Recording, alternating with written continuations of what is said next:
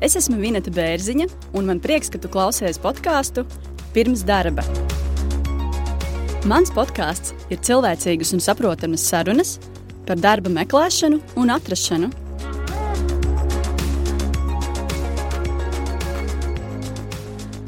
Epizodes pirmajā daļā es sarunāšos ar Danu, kura pameta zinātnes karjeru, lai strādātu bērnu dārzā un rakstītu grāmatu. Es biju Taizemē ekspedīcijā, mēs rakstījām zinātnisku darbu, kas bija ļoti vērtīgs, augstu novērtēts. Man likās, nu, un es esmu mēnešiem veltījusi, un tas ir rezultējies vienā tādā papīrītī, kur izlasīs pieci cilvēki varbūt pasaulē. Un es sāku ar to, ka es mācīju bērniem angļu valodu. Krievvalodīgā dārziņā mācīju angļu valodu. Tas bija vienkārši ārprāts, man bija nenormāli grūti. Man liekas, un es te tādu zini, zaļš gurķis tikko esmu ielikus, un viss, un es esmu atradusi, ko man tagad strādāt, kamēr nomiršu. Un...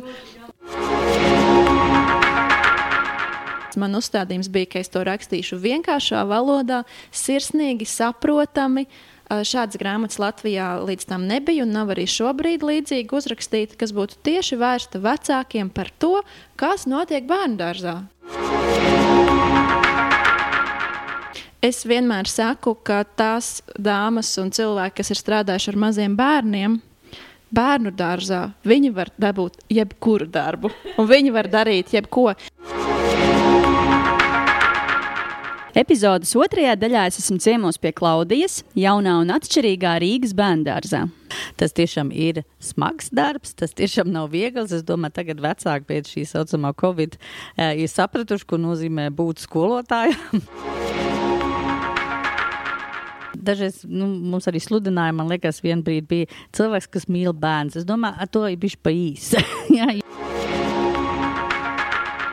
Tikai to viņi vienkārši negrib nākt pie mums, tāpēc ka viņi redz, ka. Ka būs jāstrādā? Jā. Tas ir labi, ka jūs to teicat, nevis es. šeit ir jākārto. Tev ir jāskatās, jo bērni hausā nespēlējas. Un, ja tev visu laiku hausa, tad bērni paliek arī haotiski. Ja? Tad, tad mums ir visu laiku jākārto. Tas nozīmē, ka jūs esat ļoti daudz uz zemes. Ja? Nu, var piespiest pasēdēt, ja, un zīmēt, līmēt un šķērēt. Bet uh, viņš īsnībā, tad, kad jūs noliekat tās lietas, jā, ap trim gadiem viņam vai divā pusgadiem tās zīmols un šķērs, viņš pats no sevis, tad, kad viņš tam ir gatavs.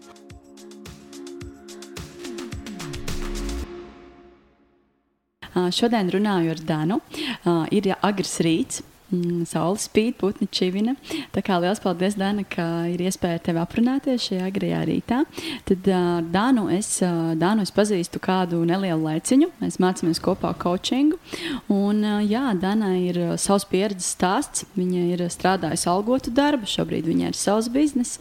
Un tad uh, gribu aprunāties par viņas pieredzi, bet varbūt es sākumā varbūt neko, uh, neko daudz uh, teiksim, tā, mm, par Dānu nestāstīšu. Gribu, gribu tā izspēlēt tādu situāciju situāciju. Uh, piemēram, Piemēram, Dāna, neesmu redzējusi tavu CV, iespējams, neko nezinu par tevi.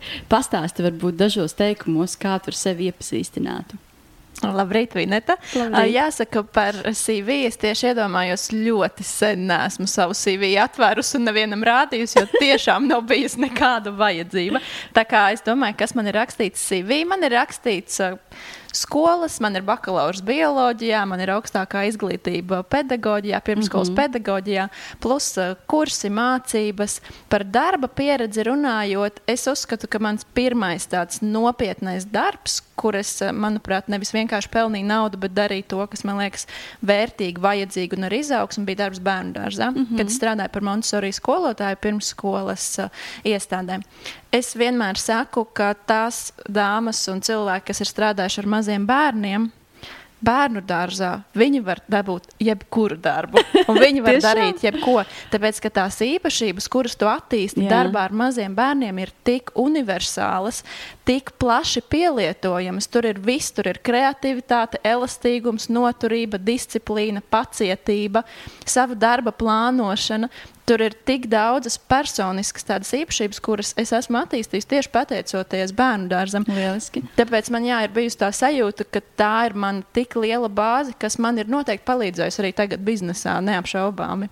Un, jā, faktiski, ja runā par tādu CV, tad mans bērnu dārza posms noslēdzās ar grāmatu. Esmu sarakstījusi grāmatu, kas notiek bērnu dārzā. Mm -hmm. Un šobrīd darbojos gan pirmsskolas lauciņā, gan savā biznesā, kas ir saistīts ar organizēšanas konsultācijām. Oho, tā tad gan, gan. Mm -hmm. Varbūt sākumā pastāst par savu bērnu pieredzi, cik tu ilgi biji, kā tur vispār sāki, kas tu biji un uh, jā, mm -hmm. kas, kas bija varbūt tie tavi apmācāmie bērni, cik, cik vecuma, cik liela vecuma bērni. Mm -hmm. Sākās tātad tas paralēli studijām bioloģijas bakalauros tajā brīdī, kad bija palikuši daži mēneši līdz bakalaura aizstāvēšanai, sapratu, ka šī joma man ir ļoti interesē, bet kaut kas man tur pietrūkst. Mm -hmm. Es izstrādāju, nu, manuprāt, tiešām brīnišķīgu darbu. Es biju Taizemē ekspedīcijā, mēs rakstījām zinātnisku darbu, kas bija ļoti vērtīgs, augstu novērtēts novērtēts.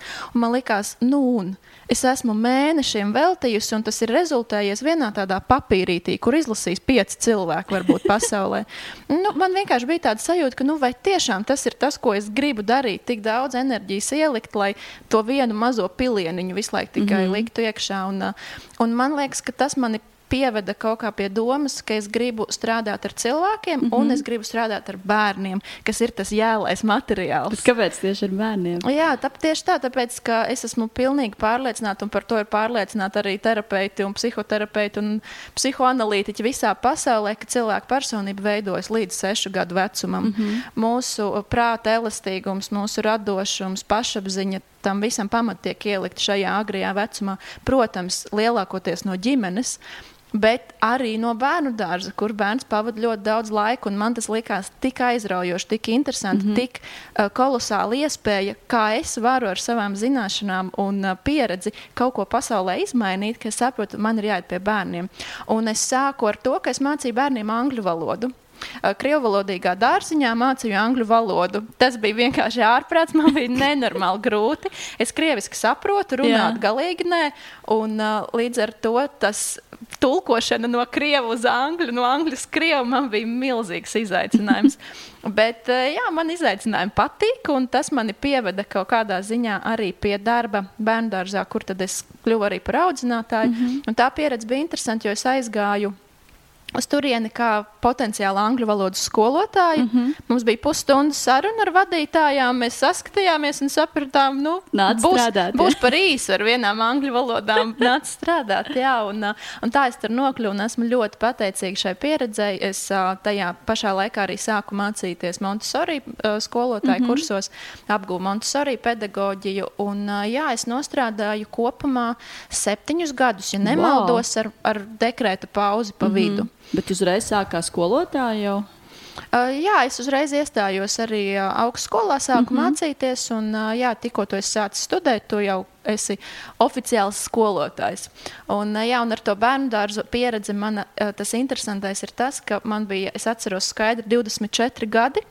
Es esmu jau dažus gadus strādājis bērnu dārzā, vienu vai divus. Un man liekas, tiešām tas ir viss. Es esmu atradusi savu jomu, jo man ļoti patika. ļoti, patika ļoti vērtīgi, ļoti piepildoši, ļoti dziļi. Es, tur, es jūtu, ka es kļūstu ar vien labāk, ka tā ir mana, mans lauciņš. Un, mm -hmm. Man liekas, tiešām 24 gados tas ir viss.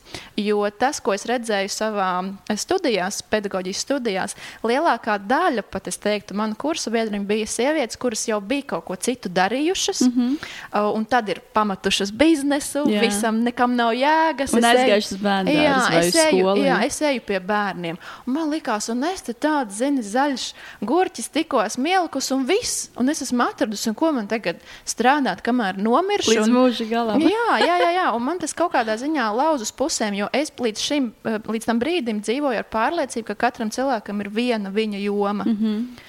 Ir viens īstais cilvēks, viens īstais darbs, viens īstais aicinājums. Un Jā. visa dzīve ir tāda lineāra tā aicinājuma meklēšana. Un tajā brīdī, kad tas jau pēc dažiem gadiem vēlāk notika pārlicot, kad es sapratu, ka nē, tā nav. Man... Kas bija tas brīdis, kad tu saprati, ka nē, tā nav? Um, nu, tur pa vidu, protams, uh, bija kāzas, bija bērns, dekrēts. Tas viss, protams, atkal tādu pauzi ieliek. Un līdzīgi kā ļoti daudzām sievietēm, tieši būšana mājās ar bērnu lika ļoti pārskatīt, ko es gribu darīt, mm -hmm. vai es gribu atgriezties, vai es gribu tādā pašā līmenī atgriezties. Faktiski būšana mājās ar bērnu uh, sievietei un faktiski, man liekas, jebkuram cilvēkam ļoti dramatiski maina attieksmi pret laiku. Pirmkārt, pret laiku, ko es daru ar savu dzīves laiku. laiku mm -hmm. jā. Vai es uh, to izmantoju maksimāli produktīvi, vai es daru to, ko es gribu darīt un kas man sniedz vislielāko labumu gan man, gan arī uh, pasaulē, kurā es esmu. Un, jā, un tad bija draudzene, kura man tā vienkārši, vienkāršā, pilnīgi neformālā sarunā teica, bet tāda, tev taču nav jābūt tikai vienai lietai, kas tev patīk. Un tas man tiešām tas atvērs smadzenes, un es sapratu, ka. Tu pati tā kā nebija līdz tam nonākusi. Ja? Ta, tas liekas, tas teikums likās tik vienkārši, bet zini, kā ir, ka dažreiz vienalga vai grāmata vai filma tev ir jānonāk īstajam brīdim, jā. īstajiem visiem puzles gabaliņiem jāsakrīt, un tad tu to sadzirdi. Galva, jā. jā, un tad tu to sadzirdi, un es sapratu, ka tiešām man nav jādedzina tilti ar bērnu dārzu, mm -hmm. bet es varu meklēt kaut ko citu, un tad es vienkārši skatījos ko man vēl patīk darīt. Un es sapratu, ka man nenormāli patīk kārtot māju. Un man tas likās vienkārši smieklīgi. Nu, labi, forši patīk kārtot māju. Nu, un, Un tad, jā, tad es uzzināju, ka pasaulē ir cilvēki, kas īstenībā to dara pat profesionāli un palīdz citiem. Un, nu, tur soli pa solim, soli jā. pa solim. Man ir savs bizness, kuru es uzskatu par diezgan veiksmīgu. Man ļoti patīk tas, ko es daru. Es redzu, ka es varu, kā es teicu jau pašā sākumā, dot to pienesumu pasaulē, nevis vienkārši naudu pelnīt. Super. Tu minēji arī tādu dzīves notikumu kā grāmata. Mm -hmm. Pastāsti, kā varbūt tu līdz tam nonāci? Kā mm -hmm. nonāca vispār līdz šai idejai rakstīt grāmatu? Ideja par grāmatu pie manis atnāca uh, tajā brīdī, kad man bērns jau bija piedzimis. Es uh, uz puslodzi uz vienu dienu nedēļā strādāju bērnu dārzā.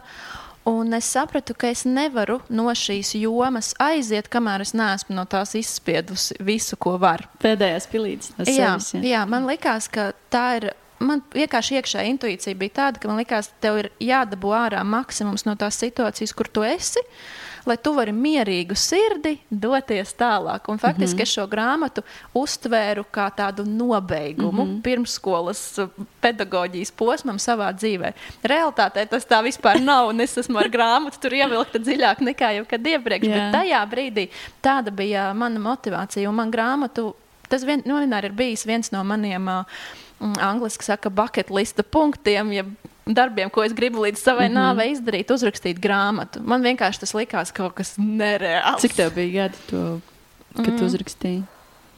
Es grāmatu, grāmatu izdevām tieši pirms gada. Mm -hmm. Tas nozīmē, ka man, tad, kad es sāku rakstīt, man bija 28. Tad diezgan agri jau sāk rakstīt grāmatu. Tu droši vien biji iedomājies savā galvā, nezinu, bū, būšu pensijā, rakstīšu grāmatu. tu zini, laikam, laikam pat īsti nē. nē. Man nebija arī sajūta, ka tā grāmata, ka grāmatai ir jābūt kaut kam tādam, nu, ka tev tur tas ir tādas zināšanas un 40 gadu pieredze jāsakrāj. Mm -hmm. Mans uzstādījums par grāmatu nekad nav bijis tāds. Man uzstādījums bija, ka es to rakstīšu vienkāršā valodā, sirsnīgi, saprotami. Uh, Šādas grāmatas Latvijā līdz tam nebija, un nav mm -hmm. arī mhm. šobrīd līdzīgi uzrakstīta, kas būtu tieši vērsta vecākiem par to, kas notiek bērnu dārzā. Tieši tik vienkārši, kā bērnu ģērbt, ko viņi dara no rīta, ko viņi dara ārā.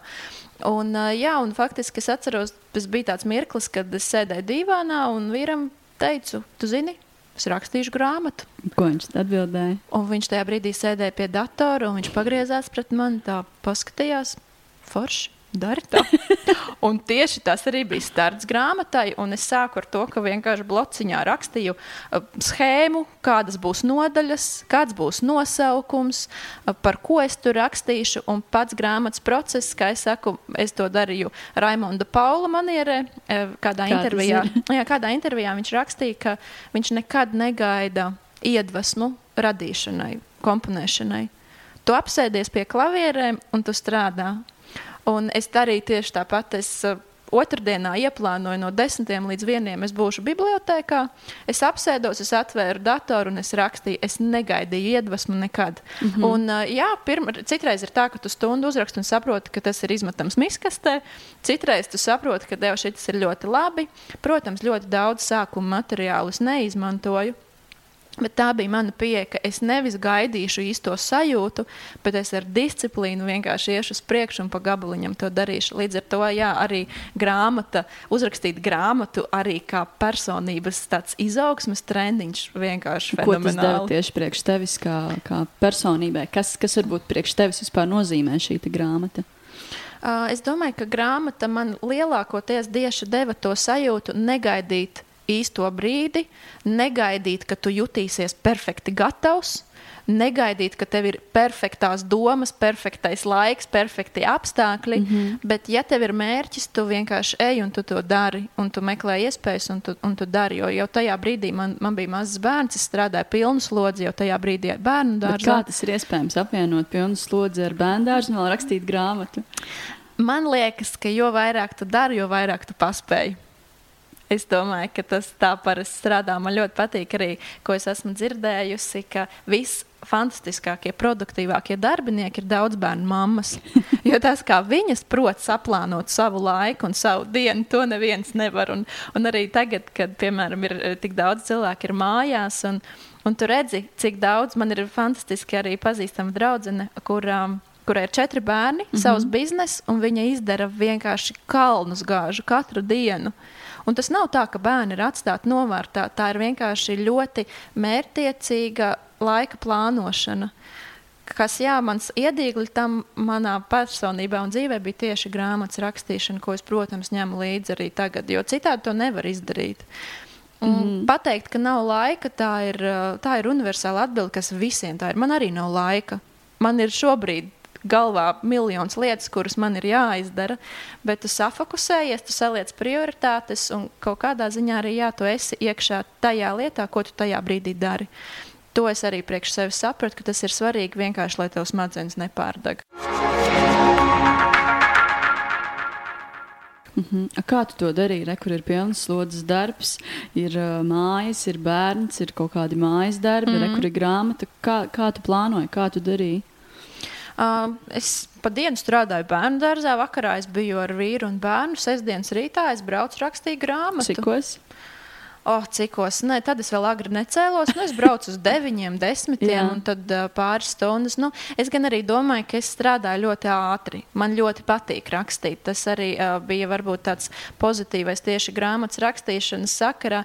Manai grāmatai nav. Uh, kā nu tas saucās, nevis korektors, bet editors. Mm -hmm. Mana grāmatu nav neviens eh, tādā ziņā pārlasījis stilistiski. Tur ir tikai pārlasītas komatu lietas, kas, nu, kas nozīmē, ka, nu, nevis kas nozīmē, bet kas nu, kaut kādā ziņā pierāda arī izdevniecībai, pierādīja, ka tas, kā es rakstu, tā, tas ir labi man tā valoda tiešām nāk, man patīk rakstīt tā valoda. Ir daudz cilvēku, kuriem ir ko teikt, mm -hmm. bet tikko viņš apsēžas pie tās baltās lapas, tā ir nu, viss tur tie teikumi ir samudžināti, nesaprotami. Un es saprotu, ka man patīk rakstīt. Man vienmēr ir paticis rakstīt. Tāpēc man liekas, ka man arī gāja ļoti ātri. Cik ātri tu uzrakstīji grāmatu? Es neesmu nekad stundas skaitījusi, bet es saku, ka no brīža, kad es, kā es tā stāstīju, divānā vīram pateicu, ka es rakstīšu grāmatu, līdz brīdim, kad bija atklāšana, un es ar šampaniešu glāzi rokās turēju savu grāmatu, Jā. pagāja gads un trīs mēneši. Ļoti ātri. Es, bet, nu, es saku, es nerakstīju visu to laiku. Es domāju, Jā. ka tāda fiziska rakstīšana bija 4-5 mēneši. Bet nu. tās bija tieši tās sestdienas, vai tur arī kaut kad pa vakariem rakstīja? Nu, sestdienas, pa vakariem, mm -hmm. pa kaut kādām brīvdienām. Vienkārši meklēju iespējas. Man ir stunda laiks, ok, es daru. Super. Ļoti interesanti. Tā ir tā netipiski sakritis, ka šodien tieši ir gads pagājis. Jā, tā ir kā gada jubileja tavai grāmatai. Es tieši domāju, ka kaut kā tas bija kāds no maija datumiem, un vakar es skatoties bildes, ieraudzīju, ka, jā, tas bija tieši 8. maija. 8. maijā izdevām grāmatu. Tā, tika pie lasītājiem, un jā, tā kā gads ir pagājis un ļoti aizraujošs gads ļoti aizraujošs gads tieši tajā, ko man grāmata ir pavērusi, kādas iespējas, kādas iepazīšanās, kādas pieredzes. Pastāsti, kas varbūt spilgtākā tāda pieredze? Uh, ieguvums? Es, uh, es biju ļoti priecīga, protams, par visām tām individuālajām tādām vēstulēm un atsauksmēm. Mm -hmm. Es saņēmu šādas vēstules gan no mamām, kuras teica, ka paldies, kaut kas to būtu zinājis, kad mans bērns bija mazāks. Jāsaka, godīgi man lielāku tādu siltumu radīja atsauksmes no audzinātājām. Kāpēc? Arī tādas es saņēmu ļoti daudz, kuras teica, ka paldies, ka kāds to ir uzrakstījis, paldies, ka kāds ir iestājies. Um, es negribētu teikt mūsu pusē, bet nu, iestājies tajā audzinātāju redzējumā, jā. parādījis, kā audzinātājs to no situāciju redz. Punktu, kā, jā. jā, jo tas man arī bija ārkārtīgi svarīgi, ka es nenostāšos neviena pusē, mm -hmm. un es zinu, cik daudz slikta izdara tā, tās radikālās pieejas. Mēs kā mammas, mūsu bērniem visi dara pāri, ak, jūs riebīgā izglītības sistēma. Un tad atkal ir otrā pusē, kas ir tieši tāpat arī skolotāja pusē, ka jā, tie vecāki izlaist tie bērni, nav nekādas kārtības. Un man liekas, nē, šitam es gribu stāvēt pāri. Es mm -hmm. negribu būt nevienā, ne otrā pusē. Un man liekas, ka to arī cilvēki sajūt manā grāmatā, ka tur nav agresijas, tur nav uzbrukošas tādas um, attieksmes ne pret vienu, ne pret otru pusi. Un, man liekas, ka tas arī ir tas, kāpēc tā grāmata atrod lasītājs. Tā kā jā, kas, kas ir tās pozitīvās pieredzes, ir gan šīs atsauksmes, tās ir uh, lekcijas. Esmu vadījusi arī lekcijas tieši par šo te grāmatas tematu. Man ir aicinājuši. Daudzas lekcijas bija aizrunātas tagad pavasarī, kuras, diemžēl, protams, mm -hmm. visas tika atceltas. Es ceru, ka tas pārcelsies uz rudeni. Tā kā jā, daudz tādi jauki, maz priecīgi notikumi, kurus es patiesībā ne, negaidīju. Es grāmatu rakstīju, kā jau teicu, ar tādu noslēgumu sajūtu par bērnu, ka es uzrakstīšu, mm -hmm. un bodīt varam ciet, es eju, eju tālāk. Un izrādās, ka dzīvē bija citi plāni. Tu biji ļoti stabila šajā bērngārzā. Tev bija viens mērķis, viena nodarbošanās. Kā tas ir vispār mainīt kaut ko savā dzīvē, mainīt savu karjeras ceļu? Uh, tas noteikti ir bailīgi kaut kādā ziņā, bet jāsaka, ka. Um, nu tā pavisam atklāti runājot, bērnu dārzs varbūt nav tāds uh, gadījums, vismaz manā dzīvē, ka tas ir tāds darbs, nu, ja tu tagad aiziesi, nu, tu atpakaļ netiksi. Pirmsskolas skolotāja trūks dramatiski. Es zinu, ka es esmu laba skolotāja un es jebkurā brīdī varu atgriezties darbā mm -hmm. bērnu dārzā. Tas man noteikti ļoti palīdzēja. Plus, protams, arī tas, ka šis darbs uh, nav augsti apmaksāts. Diemžēl, diemžēl tas tā Latvijā ir, un tas arī noteikti palīdz nu, nebaidīties. Mm -hmm. un, uh, man noteikti palīdzēja arī tas, ka es nedzīvoju viena, ka man ir vīrs, ka vienmēr ir tā buferu zona. Ka, nu, Atbalsts, jā. Jā, ja, ja viss izgāzīsies, nu nekas ne mums būs, kur dzīvot un būs, kur ēst. Um, kā, tur bija vairāk tādi faktori, kas man noteikti palīdzēja to lēmumu izdarīt vieglāk. Plus, kā jau es teicu, es tiešām no savas puses izdarīju visu, lai es varētu aiziet tīru sirdsapziņu. Es uzrakstīju grāmatu, es izdarīju personiskos savus mērķus, ko es gribēju. Es aizgāju ar prieku, ar mīlestību pret bērniem, pret kolēģiem, pret vecākiem. Un tas bija tā viegli. Man liekas, ka problēmas ir tad, ja cilvēki kaut kā sacapās, ka man tagad vajag, man viss ir apriebies, mm -hmm. un mhm. tad ar tādu lielu pompu uzmet atlūgumu un aiziet, un tad tu pats mokies vēl tajās iepriekšējās sajūtās un īsti nevar tam nākamajam pieslēgties. Uh, Man tas viss kaut kāds ar tādu, nu, es gribētu teikt, ar mīlestību ļoti gāja. Tu minēji, ka vēl joprojām esi bērnu dārzā, vēl mm. neesi projām. Mm. Kaut kādas konsultācijas tā vēl notiek. Kā tas varbūt ir iespējams, ka tu vairāk nestrādā bērnu dārzā, bet vēl joprojām tur esi mm. saistīta? Tas ir ar grāmatu saistīts vai kaut kā citādi? Tas ir noteikti ar grāmatu saistīts, jo nu, man pašai šis vārds eksperte ārkārtīgi nepatīk. Ja man nosauc par ekspertu, man pilnīgi viss iekšā tas sauc bērnu dārzu ekspertu, Montesori ekspertu. Um, jā, ne, nu, tieši grāmatas sakarā, ka, nu, ka rekur grāmatas, kas notiek bērnu dārzā, autori, Montesori skolotāji, un nu, tur mums tagad stāsta to un šito. Un, un tas, tas ir, protams, īstenībā ļoti jauki, un, un es arī uzskatu, ka tā pieredze, kas manī ir iekšā, un es joprojām es esmu Montesori skolotāja, es šobrīd nestrādāju vairs aktīvi bērnu dārzā, bet man ir pieredze man ir zināšanas, ko es esmu apkopojis grāmatā. Es intervēju desmitiem audzinātāju, kad rakstīju grāmatu. Mm -hmm. Tas nav tikai ko, kas manā galvā notiek. Un tā pieredze manī iekšā ir, un, un man liekas, ka man ir vienkārši spējas to informāciju iepakot. Kas reizēm pat ļoti augsta līmeņa ekspertiem, nu, kā saka, tu vari būt augsta līmeņa eksperts, bet tas nenozīmē, ka tu būsi labs skolotājs vai ka tu to varēsi mm -hmm. citiem nodot. Un man liekas, ka man tas skolotāja gēns ir nenormāli spēcīgs iekšā. nenormāli spēcīgs. Es citreiz gribētu, lai tas ir mazāk spēcīgs un lai es mazāk visus mācītu dzīvot, īpaši savu vīru un ģimenes locekļus. bet, nu, labi, tas par citu tēmu. Bet, jā, es vienkārši man liekas, ka tas ir tas, kas cilvēks piesaista, ka man varbūt izdodas tādas sarežģītas, komplicētas, uh, grūti izrunājamas tēmas, iepakot tā, ka viņas paliek vieglas. Bet paliek... kāpēc tieši skolotājs tev vecāki ir skolotāji vai kā, kā tu līdz tam nonāci?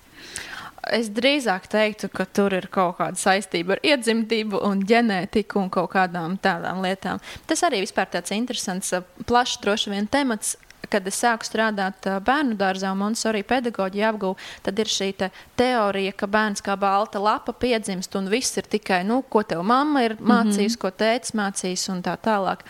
Un tas faktiski arī Montesori pedagoģija šajā atziņā kaut kādā ziņā balstās. Un, uh, no 60. gadiem, 20. gadsimta 60. gadiem, kad ļoti strauji pieauga arī tādi ģenētiski pētījumi, arvien vairāk. Tādā zinātnes līmenī tiek atklāts, ka mēs esam jau diezgan ieprogrammēti tajā brīdī, kad piedzimstam. Un to es ļoti skaidri redzēju arī bērnu dārzā ka vienā un tajā pašā vidē, pie nosacīta vienādiem apstākļiem, bērni ir pilnīgi dažādi. Mm -hmm. Pilnīgi dažādi, un, un tāpat tās arī pēc tam, protams, arī pieaugušie. Līdz ar to es teiktu, ka jā, man, man mamma arī ir, man mamma arī noteikti ir ar tādām skolotājas iezīmēm. Viņa nav skolotāja, viņa Viņa ir, viņa ir drēbniece, viņa rada ļoti skaistus tērpus, bet skolotāji galīgi nē. Es drīzāk domāju, ka tas bija kaut kas, kas vienkārši man tika iedots jau piedzimstot. Kaut kas no augšas, jā. Nu, visticamāk, jā. Uh, Dānis, tev pirmo reizi redzēju Facebookā. Uh -huh. uh, redzēju tādu video, kur tu stāsti kaut ko saistītu ar bērngārziem. Es uh mhm. -huh. atceros tādu gaišai matiem smēķīgu dāvu. Uh -huh. Es arī mhm. noklausījos to video. Un, jā, un tad pēc kaut kāda laiciņa es tevi redzēju coachingā. Jā, uh -huh. Mēs satikāmies tajā rītā. Un tad es pienācu pie tevis un teicu, es jūs kaut kur esmu redzējusi. un, jā, un tad uh, man bija tā tādas, tāda doma prātā, ka tu esi saistīta noteikti ar bērngārziem, uh -huh. ja, ja jau runā par šo uh -huh. tēmu. Bet eh, jā, tad mēs iepazināmies, un tad sāk, sāk stāstīt par Dānu ar kasti. Tad es nesapratu, nesapratu paga, ko tu taču esi mm. ar bērnu dārziem saistīta. Tāda ļoti interesanta mm. uh, man, uh, man bija tā pieredze. Mm. Nu, es domāju, ka tas ir saistīts ar to, ko es jau iepriekš minēju, ka tā ir tāda sabiedrībā ļoti iesakņojies uzskats, ka katrs cilvēks ir kaut kas mm. viens. Es Dāna pirmskolas skolotāju vai es Dāna kaut kas cits. Jā. Un īstenībā Es uzskatu, ka katrs cilvēks var būt ļoti daudzšķautnēns, ļoti daudzpusīgs. Te ir, protams, jāuzmanās no virspusējības, ka tu vienkārši ķer visu pēc kārtas. Uh, Bet uh, ka tas, ka tev var būt vairākas jomas, kurā tu sevi atrod, kurā tu sevi vari piepildīt, par to man vispār nav nekādu šaubu. Un, jā, un mēs satikāmies coachingā, kas, es domāju, ir ļoti spēcīgs jau trešais manas dzīves ceļš, ko es arī uh, gribu likt iekšā. Un es zinu, ka tas palīdzēs gan tiem abiem iepriekšējiem jā. bērnu dārzam un kārtošanai, gan būs interesants ceļš pats par sevi. Mm -hmm. Un es pie tā vispār nedomāju apstāties. Nu, es zinu, ka kaut kādā brīdī varbūt kāds no šiem ceļiem man tā aciņa paliks tāda blāvāka, neinteresantāka un būs kaut kāda jauna. Bet mani nedefinē tas, ko es strādāju. Mani definē pilnīgi citas lietas, kas ir manī iekšā, kuras neviens man nevar atņemt, kuras ir uh, nesaistītas faktiski pat ar ārējo pasauli kaut kādā ziņā. Un tas ir tas, ir tas bezgalīgais potenciāls, ka es varu uh, darīt ko vien es vēlos, kad vien es vēlos un kurā virzienā es vēlos. Paldies, Dana! Uh, lieliski iedvesma arī priekš manis tādi secinājumi, ka tu vari darīt ne tikai vienu lietu, būt, nezinu, algotā darbā, bet arī mm. darīt savus hobijus un, nezinu, rakstīt grāmatu un, un darīt citas lietas, tā kā nebaidīties apvienot. Un, jā, tavi karjeras stāsti arī īstenībā ļoti iedvesmo, ka tu, teiksim tā, esi dzīvojusi dzīvi un domāji, ka nē, ka tev ir tikai viens šis karjeras ceļš, bet īstenībā var, var būt pavisam citādāk, var iet vairākus karjeras ceļus mm. un nebaidīties uh, darīt uh, vairākas lietas paralēli, līdzīgi mm. kā tu. Tā kā liels paldies tev par šo sarunu. Es ļoti ceru arī klausītājiem uh, būs kaut kas vērtīgs, ko paņemt no tevis. Paldies, tev liels! Jā, paldies! Šī podkāstu epizode ir pusē, uzpildām kafijas krūzi un turpinām sarunas. Tikko dzirdējāt sarunu ar Danu Gulbi. Dana Gulbi vairākus gadus ir strādājusi bērngārzos, arī sarakstījusi grāmatu par to, kas notiek bērngārzos. Un, jā, pēc šīs tēmas es paskatījos internetā, kas, kas tad notiek vakanču ziņā bērngārzos, un pamanīju vienu ļoti interesantu vakanci, kā māmiņu kluba bērngārs meklē sev papildspēkus. Un vēl Vēl interesantāk likās, ka šis bērns ir uh, nesen atvēries, tātad martā. Uh, es sazinājos ar šo bērnu, un man ļoti patīkami pārsteidza komunikācija, cik tā bija jauka un uh, atvērta. Un uzreiz izdevās uh, sarunāt uh, tikšanos ar Klau Klaudiju. Uh, nu, lūk, un jā, paldies, Klaudija Hēl, ka piekritāt aprunāties nedaudz. Un uh, Dāna savā stāstā stāstīja to, ka īstenībā mm, šis bērngārza audzinātājs, jeb skolotājs, pēc vairākiem gadiem darba bērngārzā var strādāt jebkur, jo viņam ir tik, daudz, tik liela pieredze uh, ar bērniem, un uh, ne, tikai, ne tikai stress, bet daudzas citas arī pozitīvas lietas, ko tad iegūst šis cilvēks. Un, uh, jā, gribēju vaicāt jums, vai tā ir, ka pēc bērnu dārza cilvēks var strādāt jebkur, tātad uh, nu, iegūstot šīs prasmes. Jā, es domāju, pirmkārt, ko tad, kad beidz, varbūt kādu brīdi strādāt kā bērndās audzinātāja vai kā skolotāja, pirmais, ko cilvēkam droši vien vajadzēs, būs atvaļinājums.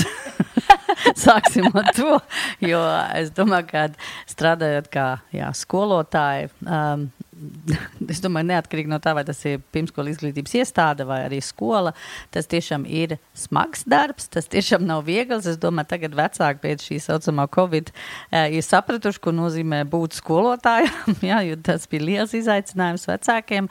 Un es domāju, ka varbūt tas arī tagad palīdzēs tiešām izprast to. Es domāju, jā, es domāju, daļai droši vien tā ir taisnība. Es nekad neesmu tā iedzinājies par to jautājumu, bet es domāju, ka tā varētu būt, jo, jo šeit mēs esam kā pieaugušie, kas strādā ar bērniem, prasa ļoti daudz iemaņas. Jūs nevarat, protams, jūs varat kā standarta tikai vienu darīt, un tad droši vien nebūs arī tik labs tas darbs, jā, ne jums, mm -hmm. ne tiem bērniem. Bet, eh, ja jūs tiešām no sirds un dvēseli to darat, tad tas ir tiešām jūs esat uh, radoši visādās sfērās, un kopš es esmu strādājis, es nevaru teikt kā skolotāji, jo es neesmu pedagogs tādā izpratnē. Uh, bet uh, var teikt, tā es esmu iegūmis ļoti daudz iemaņas, kas man agrāk nav bijis. es esmu, esmu palikuši daudz radošāk nekā es esmu bijis. Un, Uh, mums tiešām uh, jums, jā, mums arī jākļūst ļoti gudriem, jo bērniem ir ļoti daudz jautājumu, uz ko cilvēks nevar atbildēt tā Aha. uzreiz. Un es domāju, ka jā, vien tas ir. Un organizēt darbu, menedžēt, jā, nemaz nerunājot par vispārējo, par ēdienu kārti jāzina, par dietologu jūs paliksiet. Un, uh, Tā, jā, es domāju, ka tāds skolotājs ir ļoti daudz nu, daudzās profesijās ir, var darboties pēc tam. Jā. Jūs minējāt, ka neesat skolotāja, jā, jūs esat fizioterapeite. Šīs pe, pekleres metodes mm. piekritēji, varbūt varat iepazīstināt ar sevi nedaudz. Nu, jā, es esmu fizioterapeite, tieši kā jūs sakat, ar maģistra grādu, un es esmu diezgan ilgi strādājis kā fizioterapeite pēc klasiskās izpratnes, kas ir fizioterapeite, un 2008. gadā es iepazinos ar Moniku Lī, kas ir arī no Vācijas, arī Vācijas fizioterapeite, bet kas vada uh, Pikleru biedrību Vācijā. Un uh, viņa tik interesants lietas stāstīja, ka es sāku saprast, hei, šī tas man interesē.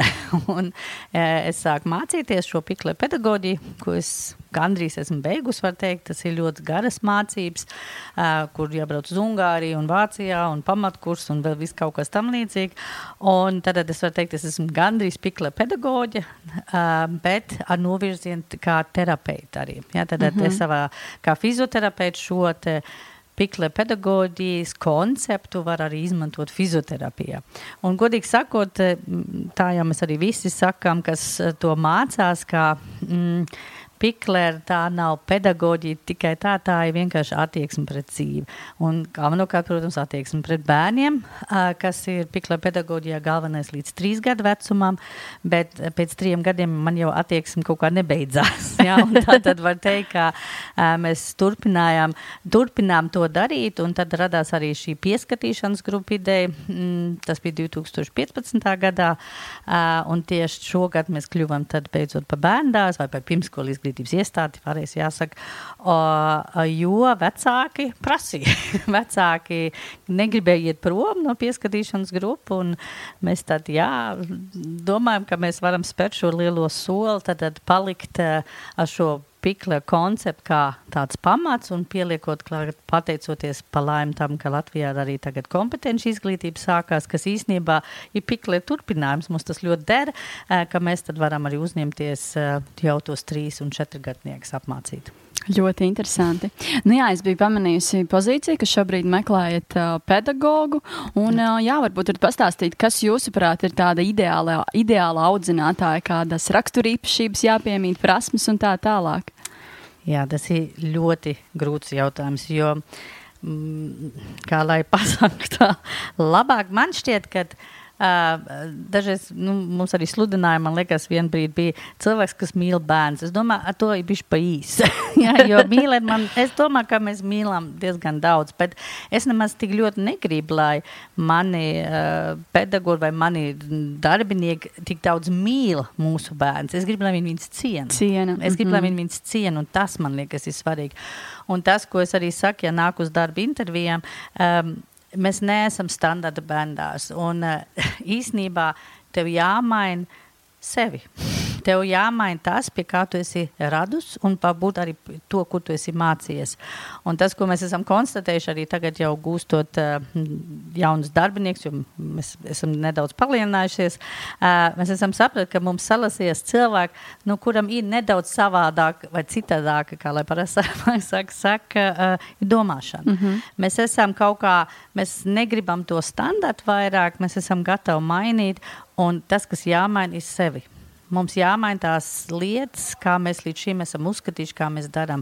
Un tas, ko es, uz, ko es vēlētos, lai ja kāds nāk kā skolotājs pie mums, ir tas, ka viņš noteikti, zinātu šo kompetenci izglītību, to domu, ka bērnus tiešām nav jāsētim pie galda, un viņam jāatprasa un jābāž galva, un viņš, kā es parasti varbūt nav tik smuk teikt, atgremo, bet kā es gribu, lai bērns nu pats no sevis ir tas, kas grib izzināt. Un ja mēs skatāmies uz bērniem līdzi, līdz trīs gadu vecumam, tad viņi tieši tādi arī ir. Viņi, viņam, jūs trīsgadnieki, nu, nu var piespiest pasēdēt, ja, un zīmēt, mm -hmm. līmēt un šķērēt, bet uh, viņš īsnībā, tad, kad jūs noliekat tās lietas, jā, ap trim gadiem viņam vai divā pusgadiem tās zīmols un šķērs, viņš pats no sevis, tad, kad viņš tam ir gatavs. Un viens ir bišķiņ ātrāks un bišķiņ vēlāk, cits bērns ir gatavs tam darīt un to respektēt un akceptēt, nevis mēģināt viņu laust.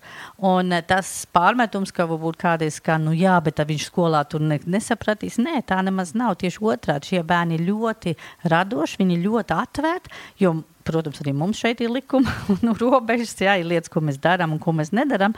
Un tieši man vakar, ne aizvakar, viena mamma ļoti labi pateica, nekas nav konservatīvāk kā bērni. Un es domāju, jā, tieši tā, jo kas bērniem ir vajadzīgs, ir ritms, jā, kaut kāds mm -hmm. secīgums. Un ja viņam tas ir, tad viņi var darīt pārējo ļoti atvērt. Un es tiešām, protams, ja es domāju, man jāaiz šito programmu jāaiziet cauri, tas man noteikti jāpagūst un man katru dienu tas un tas jādara. Bet šodien trīs bērni atnāk un grib runāt par putnu, kas sēž tur uz mājas, un tas ir balots, tad man vienkārši ir savā galvā ātri jādomā, ko balots dara, kā viņi izskatās un vēl Jā. kaut kas. Un viņi ieinteresēti klausās, vai viņi visi apsēžas pie vai apstājas ap galdu, un viņi grib šķērēt, nu tad jābūt kur šķērēt, un ja tā ir figūra, kas ir aplis un kvadrāts, un viņi man prasa, kas tas ir, tad es viņam papras, pastāstīšu. Tad būt tādam ļoti radošam un tādu fleksiblam laikam jābūt, mm -hmm. jā, teiksim, nevis iestingus tādā, nu, tikai kaut kādā programmā, bet gatavs to programmu, nu, plus mīnus apzināt pa visu gadu un būt gatavs tad arī darboties un būt pašam radošam. Man liekas, tas ir tas svarīgais. Un arī, protams, es vienmēr saku, teiksim, ja es izēju no tā, ka man ir labi, tad bērndārzā man nav ko darīt. Jo tas, ko droši vien arī pārmedot daudziem uh, standarta bērndārziem, nu, es negribu teikt, ka visi tā ir. Tas noteikti nav. Es arī negribu nevienu te aizvainot vai kā tā. Ja tikai runa par to, ka standarta tomēr ir tā, ka mēs darām visu, lai mums kā pieaugušiem ir labi un bērnam tam jāpakļaujas. jā, plus mīnus. Jā, mēs uztaisām to ritmu. Un mēs uzskatām, ka tas tā nav. Mēs uzskatām, mums jādara visu, lai tam bērnam ir labi. Un, ja tam bērnam ir labi, ticiet man, arī mums ir labi. ja? un, un tas nostrādā. Bet tas nozīmē, vispirms man jāpakāp pišķiņu uz leju un jāskatās tam bērnam acīs un jāsaprot, uh, ko tieši tev, tieši tev, kā individuālam bērnam, ir nepieciešama. Un tāpēc man jābūt atvērtam, iejūtīgam, uh, saprotošam, zinošam. Ja? Tas ir tās daudzās lietas, kas ir nepieciešams. Cik grūti vai viegli ir atrast šodien darbiniekus? Gan iespējams. Wow, tiešām. Jā, ir ļoti Kāpēc? grūti. Tāpēc, ka, ja jūs gribat eh, pedagogu, tad, eh, protams, mēs jau gribam arī tās, mēs arī ņemtu students, bet vismaz jau otrā semestrī, jau ir sācis jā, studēt, kas ir sācis studēt, mm -hmm. lai bišķi viņam ir plāns, kas, kas jābūt bērndārzā, jo priekš mums arī tas viss ir jauns, jo līdz tiem trim gadiem tur nebūs mums nekāds apmācība, bet mums vajag tieši tiem trīs gadniekiem uz augšu, un, uh, un tas tā problēma ir tā, ja cilvēks jau ir iegājis Eh, apmācības tradicionālā virpulī, tad viņam īstenībā jākāp no tā ārā. Un man bija viena eh, ļoti laba meitene, kas studēja. Viņa vienkārši aizgāja tālāk dzīvot, un tāpēc aizgāja. Un, un viņa tieši to teica, ka tas, viņai bija problēmas īstenībā studēt, tāpēc ka visu laiku es viņai uh, Viņš maisīja galva to, kā mēs darām šeit. Viņa redzēja, ka tas nostrādā, ka tas nostrādā, bet, protams, pārliecināt savus kolēģus tagad viņi saka, ir ļoti sarežģīti, jo viņi visi jau tādā ritmā ir iekšā, un, un mums arī nav tāds sadalījums, tur aukles vai skolotāji. Mēs esam pieaugušie, mēs esam, protams, tur ar dažādu izglītību, bet uh, īstenībā mēs esam diezgan vienlīdzīgi, jā, un arī mūsu skolotāji maina audimbikses, mūsu skolotāji mazgā traukus, vai respektīvi likt traukus trauku mazgājumā mašīnā. Mūsu skolotāji, protams, arī gatavo uh, tos tās apmācības, bet mēs visi to darām kopā. Un mēs, es negribu nekādā gadījumā, jo nu, tāda hierarhija kaut kāda tam līdzīga, jo šī ciena izrādīšana arī viens pret otru kā kolēģi, nevis tikai pret bērniem. Mm -hmm. Sakiet, lūdzu, kas, kas varbūt ir tādi galvenie kandidātu trūkumi? Minējāt, ka ir ļoti maz šeit atbilstošie cilvēki. Es pat neteiktu, ka to viņi vienkārši negrib nākt pie mums, tāpēc, ka viņi redz, ka, ka būs jāstrādā. Jā. Tas ir labi, ka jūs to teicat. Jā, tas ir Jā. tas. Un, Es, mēs tieši šodien runājam arī ar vienu mm, sievieti, un, un tieši bija tas moments, ir, nu, tas nav tas, ka tu tikai sēdi jā, un dzer kafiju un skaties, kā, vai tu izdari savu darbiņu, un tad jau gan kaut kā, jā. Šeit ir jākārtot, tev ir jāskatās, jo bērni hausā nespēlējas, un ja tev visu laiku haus, tad bērni paliek arī hautiski, jā, tad, tad mums ir visu laiku jākārtot. Tas nozīmē, jūs esat ļoti daudz uz zemes, jā. jā. Jūs, un, un bērni, viņi spēj kārtot, bet vēl ne tā, un līdz trīs gadiem noteikti ne, un tie pēc trim gadiem, nu, viņi kādreiz tā aizspēlējas, un jūs nemaz nedrīkstat kārtot, tad jums jāgājiet, kamēr viņš aiziet gulēt, jo pirms tam viņš nemaz neļaus jums to, to māju nojaukt vai to, to būvu, ko viņš uzbūvēs nojaukt, kas pilnīgi saprotams, es arī negribētu, ja? Bet tas pēc tam ir viss jākārto. Mums ir ļoti daudz smalkas detaļas, nu, tad iedomājieties mazi, mazi koka bumbiņi, mazi stikla bumbiņi, tad ir vēl rīsi, tad ir makaroni, tad ir vēl kaut kāda kukurūza, un to visu viņi pārbēr, izbēr, izbēr, pārbēr pabērot, jā, un, un tas viss jākārto. Un tas tiešām ir fizisks darbs, plus vēl tas emocionālais, jo, protams, viņam ir savas emocijas, un vienam ir sava labā diena, un vienam ir sava sliktā diena. Un tas ir tas, kāpēc cilvēks saprot, ka tas viņam ir pa daudz, jā, viņam pa grūti. Kas ir tie iemesli, kāpēc audzinātājs visbiežāk pasakā jā šādam darba piedāvājumam, un otra, otra galējība, kāpēc cilvēki aiziet projām no šāda darba? Aiziet prom, tāpēc, ka ir dekretā. Tas mums ir viens iemesls. tāds galvenais. Kā pats galvenais, nē. Bet, bet, viens bet no... vai atgriežas pēc dekrētiem? Jā, es ceru. mēs vēl neesam tik ilgi, tāpēc es ceru, ka mēs, mēs atgriež, atgriežās. Uh, iet prom, tāpēc, ka grūti. Kad, kad vienkārši tā slodze ir par lielu. Un, un, Bet kas tas ir? Stundu slodze, emocionālā slodze, fiziskā slodze, viss vis kopā. Tas kopā, viss tas kopā, tas ir tas, kas ir ļoti noteikti grūti. Un, un cik ir pozitīva un cik forši ir tā atgriezeniskā saikne. Ja, teiksim, tas jau tas, kas uztur pie dzīvības, tad, ja, teiksim, jo bērni jau vienkārši jau uzreiz tev parāda, vai viņi akceptē to, ko tu, kā tu viņiem apieties, tas jau dod to gandarījumu, un ka tu redz, cik forši viņi attīstās, cik forši viņi spēlējās, un cik tas viss tā notiek. Uh, Un es domāju, tas ir tas, atkal, tas iemesls, kāpēc paliek vai grib palikt šajā darbā. Arī tāpēc, ka kaut kas, nu, ka tas atbilst varbūt um, dažiem cilvēkiem viņu dzīves uztverē. Un tas ir tas, viņ, kā es teicu sākumā, viņi vairs negrib strādāt, kā viņi strādājuši līdz šim. Viņi saprot, ka kaut kas jāmaina. Un man liekas, ka tādu cienpilnu attieksmi, ko mēs cenšamies veidot par bērnu un arī savā starpā, mēs pataisīsim to pasaules arī labāk. Un man liekas, tā vismaz daļai no maniem kolēģiem es ļoti ceru arī domā, un tas ir tas varbūt arī iemesls, kāpēc viņi paliek.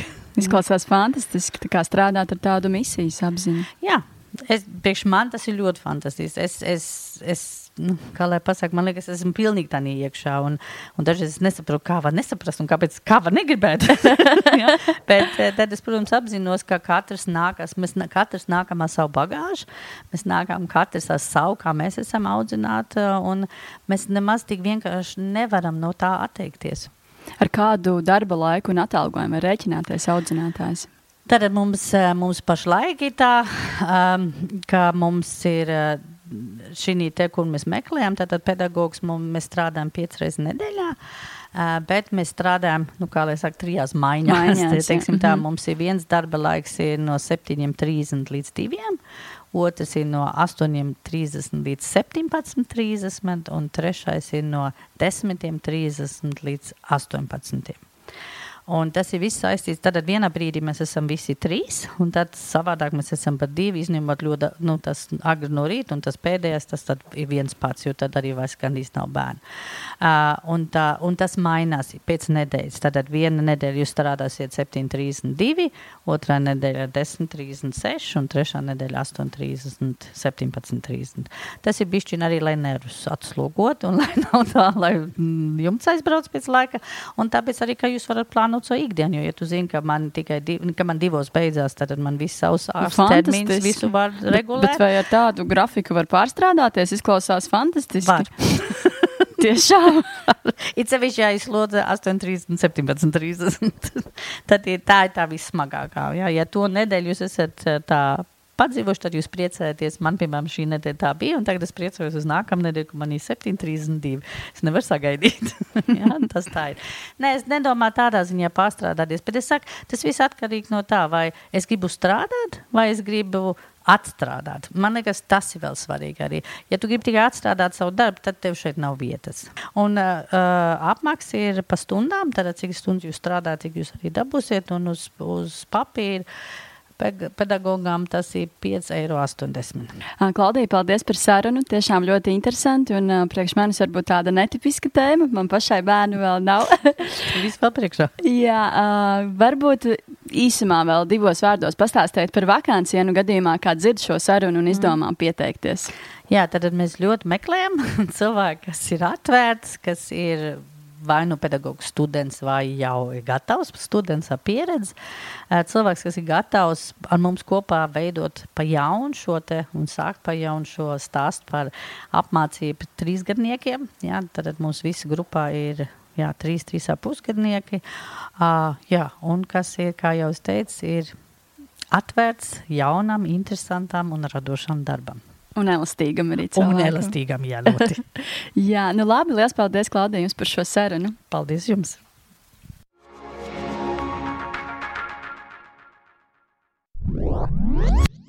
Tiešais jautājums.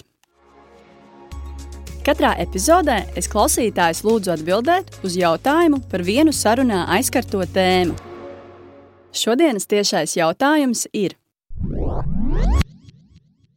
Cik reizes savā karjerā tu esi mainījis darbu uz zemāku atalgotu, bet sirdī tuvāku? Lai nobalsotu, nāciet uz Facebook lapu podkāsts pirms darba.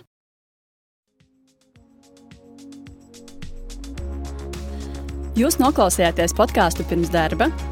Katru otrdienu es publicēšu jaunu epizodi. Lai nepalaistu to garām, Sadraudzējies ar mani Apple un Google podkāstu platformās un Spotify, seko podkāstu tapšanas stāstiem Facebook un Instagram. Raksti komentārus, iesaki sarunu tēmas, pastāsti savu darba meklēšanas stāstu. Uz sadzirdēšanos!